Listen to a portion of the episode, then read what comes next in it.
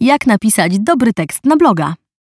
78% Polaków ma dostęp do internetu i każdy chce w nim się wyróżniać. Jednym z najpopularniejszych sposobów na kreację i promocję marki jest prowadzenie bloga. Może być celem samym w sobie, głównym źródłem utrzymania, pomagać w promowaniu firmy albo służyć jako narzędzie wspierające pozycjonowanie. W zależności od przyjętej strategii marketingowej, sposób prowadzenia bloga i jego treść będą zupełnie inne. Możemy być pewni jednego. Dobrze prowadzony blog potrafi przełożyć się na znaczące zyski, pomaga zbudować i wzmocnić wizerunek marki oraz stworzyć społeczność dookoła niej. Wniosek jest jeden. Z biznesowego punktu widzenia w prawie każdej branży warto prowadzić bloga. Zdradzamy przepis na dobre i angażujące teksty. Znajdź swój własny punkt widzenia. Współcześnie powstaje wiele treści poruszające ten sam temat. Znajdzie się wielu specjalistów od diet, książek czy wizerunku. Jeżeli chcesz, żeby Twój blog wyróżniał się na tle konkurencji, powinieneś poszukać czegoś, co odróżni Cię od innych internetowych twórców.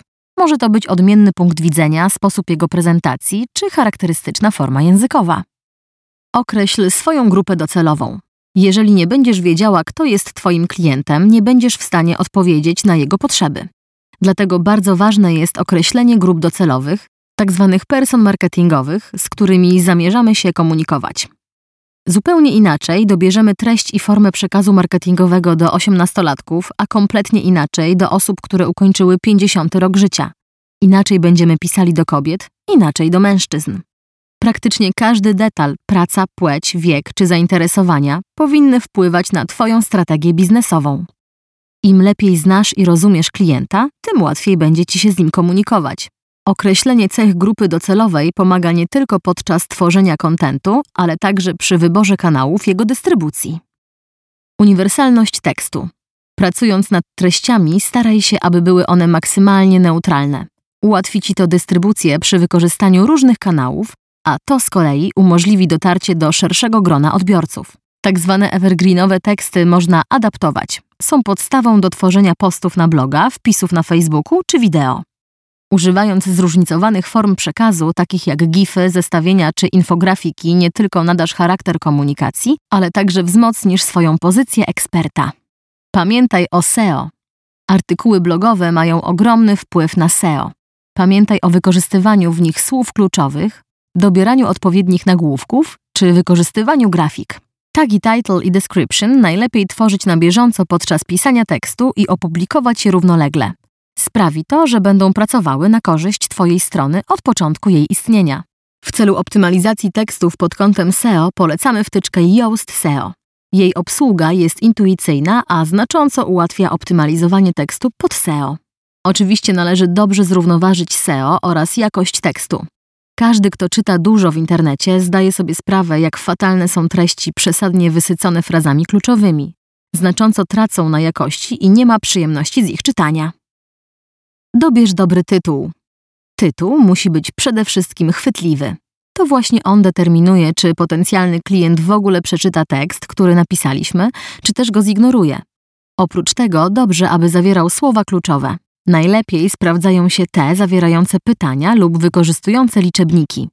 Warto również sprecyzować temat samego wpisu, to znaczy nie odnosić się do ogólnej sytuacji, ale jakiejś konkretnej, tak jak na przykładzie poniżej. Jak skutecznie zgubić zbędne kilogramy chorując na Hashimoto? Nie tylko radzimy jak schudnąć, ale poruszamy to w konkretnym kontekście.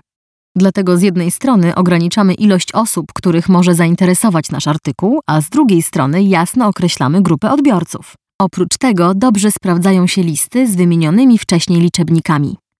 Na przykład poznaj 11 sposobów, jak zgubić zbędne kilogramy chorując na Hashimoto. Oto 13 trików, dzięki którym zapomnisz o zbędnych kilogramach. Być może zwróciło Twoją uwagę użycie takich liczb jak 11 lub 13 w tytule. Nie przez przypadek. Amerykańscy naukowcy udowodnili, że okrągłe liczby w przypadku treści poradnikowych sprawdzają się gorzej. Wyglądają jak dobrane na siłę, a więc podważają wartość merytoryczną poradnika. A to obniża ilość osób chętnych do zapoznania się z artykułem. Postaw na jakość. Twórz takie teksty, które sama chciałabyś przeczytać i z których sama mogłabyś się czegoś nauczyć. Algorytmy Google najchętniej serwują użytkownikom takie strony, które potencjalnie będą odpowiedzią na ich potrzeby. Wniosek jest prosty.